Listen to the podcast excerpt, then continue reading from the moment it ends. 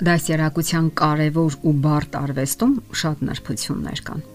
Այդ նրբություններից մեկն էլ երեխային հասկանալն է իր ողջ ներքին հակասություններով եւ դեռևս անկատար լիովին չզարգացած բնավորությամբ։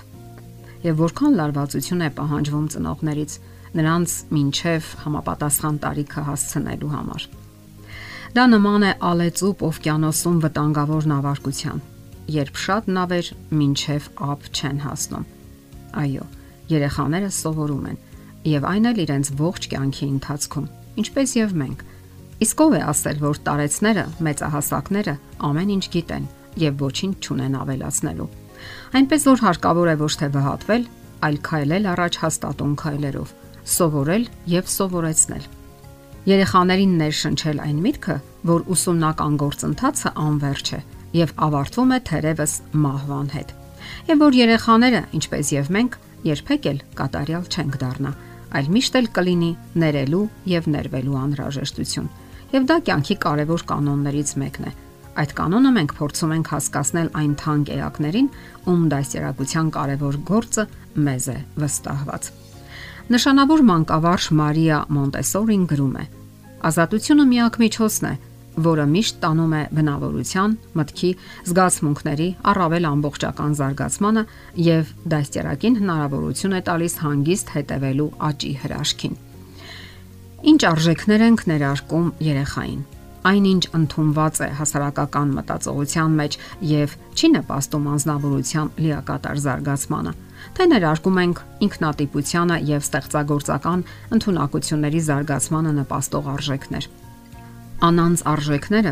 ազատության եւ ստեղծագործական հմտությունների զարգացմանը նպաստող դասերակցությունը լավագույնն է, որ կարող ենք տալ մեր երեխային։ Ժամանակակից աշխարհում թվում է անհնար է դասերակել երեխաներին բարձր չափանիշներով։ Ամեն ինչ այնքան է խառնվել իրար։ Եվ դա դժվար է նաև այն բանի համար, որ շատերն են մեծացել, ճանենալով իրենց արժև կրկնօրինակման արժանի հետևորդ։ Եվ բնականաբար երեխային տվել են այն, ինչ ունեցել են իսկ դա միշտ չէ որ եղել է լավագույնն ու արժանավորը։ Մեր հասարակությունը մշակել է արժեքների կեղծ համակարգ, որն անխնա ոտնահարում է երեխայի սեփական արժանապատվության զգացումը։ Հատկապես ծնողները պետք է ուրախadir եւ իմաստուն լինեն, եթե լրջորեն ցանկանում են օգնել երեխային, որ նա հաղթահարի ձևավորման շրջանը։ Եթե երեխան գեղեցիկ է ծնվել, նա արդեն բացահայտ առավելություններ ունի Մարդկային հասարակությունը բարձր է գնահատում գեղեցկությունը։ Արդեն 3 կամ 4 տարեկանում յուրացնում է թե ինչ առավելություններ է խոստանում իրեն հաճելի արտակինը։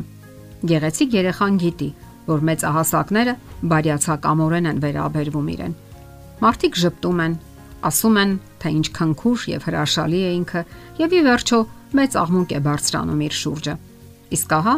արտաքին տվյալներ ճանաչող երեխայի վրա ոչ ոք ուշադրություն չի դարձնում ի հակադրություն նրա առավել համակրելի եղբոր կամ քրոջ։ Պարզապես այդպիսին է մարդկային բնույթը։ Նույնիսկ նկատել են, որ երեխայի գրավչությունը ազդում է նրա ստացած գնահատականների վրա։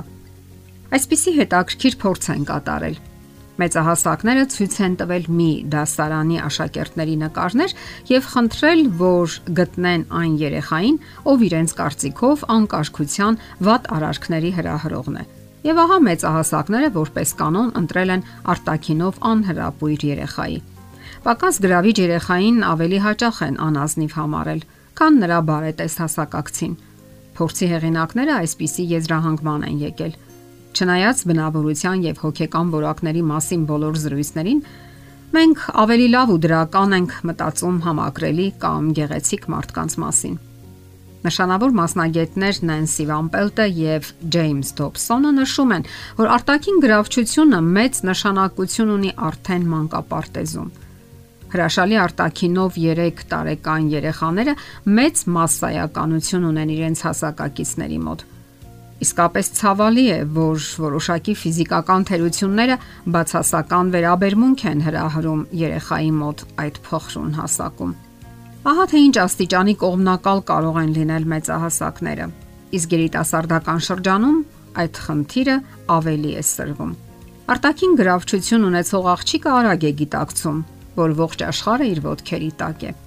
Գեղեցկատես ատլետիկ կազմվածքով տղան արագ է հասկանում, որ ինքն է գլխավորը։ Մնացածները թույլ, վհատ տարապում են անլիարժեքության բարթույթով։ Չնայած այն բանին, որ մայր բնությունը դաժան է գտնվել նրանց հանդեպ, նրանք այնուամենայնիվ հույսեր են տածում եւ աղոթում, որ որևէ մեկը ուշադրություն դարձնի իրենց։ Ահա թե ինչպիսի աղավաղված արժեքներ են գործում հասարակության մեջ։ Դատել մարդկային արժանինքների մասին արտաքին գրավչությամբ հիրավի կեղծ արժեք է։ Ծնողները պետք է հիշեն այն կարևոր ճշմարտությունը, որ եթե երեխան վատ է սովորում դպրոցում, հարկավոր է որքան հնարավոր է քիչ խոսել ուսման մեջ հաջողությունների նշանակալիության մասին եւ որքան հնարավոր է շատ խոսել եւ ընդգծել բնավորության ուժեղ կողմերն ու լավ որակները։ Աշխարհում շատ ավելի կարևոր բաներ կան, քան միայն 5-երով լեցուն ավարտական թերթիկը։ Ծնողները պարտավոր են երեխային օգնել գտնելու իր թրիչքահարթակը, իր այն մասնագիտացումը, որը կփոխհատուցի նրա թուլությունները։ Ված սովորող երեխաները հաճախ կարողանում են վարպետորեն ինչ-որ բան պատրաստել, ունեն հմուտ ձեռքեր, այլ լավ որակներ, որոնք անհրաժեշտ է պարզապես զարգացնել։ Պետք է աշխատեք հենց այդ որակների վրա, դրական հույզեր ներարկեք նրանց եւ զարգացնեք արժանապատվությունը։ Դա հենց այն է, ինչն անհրաժեշտ է երեխային բարձր ինքնագնահատական։ Եթերում է ընտանիք հաղորդաշարը։ Ձեզ հետ է Գեղեցիկ Մարտիրոսյանը։ Հարցերի եւ առաջարկությունների դեպքում զանգահարեք 094 08 2093 հեռախոսահամարով։ Հետևեք մեզ hopmedia.am հասցեով։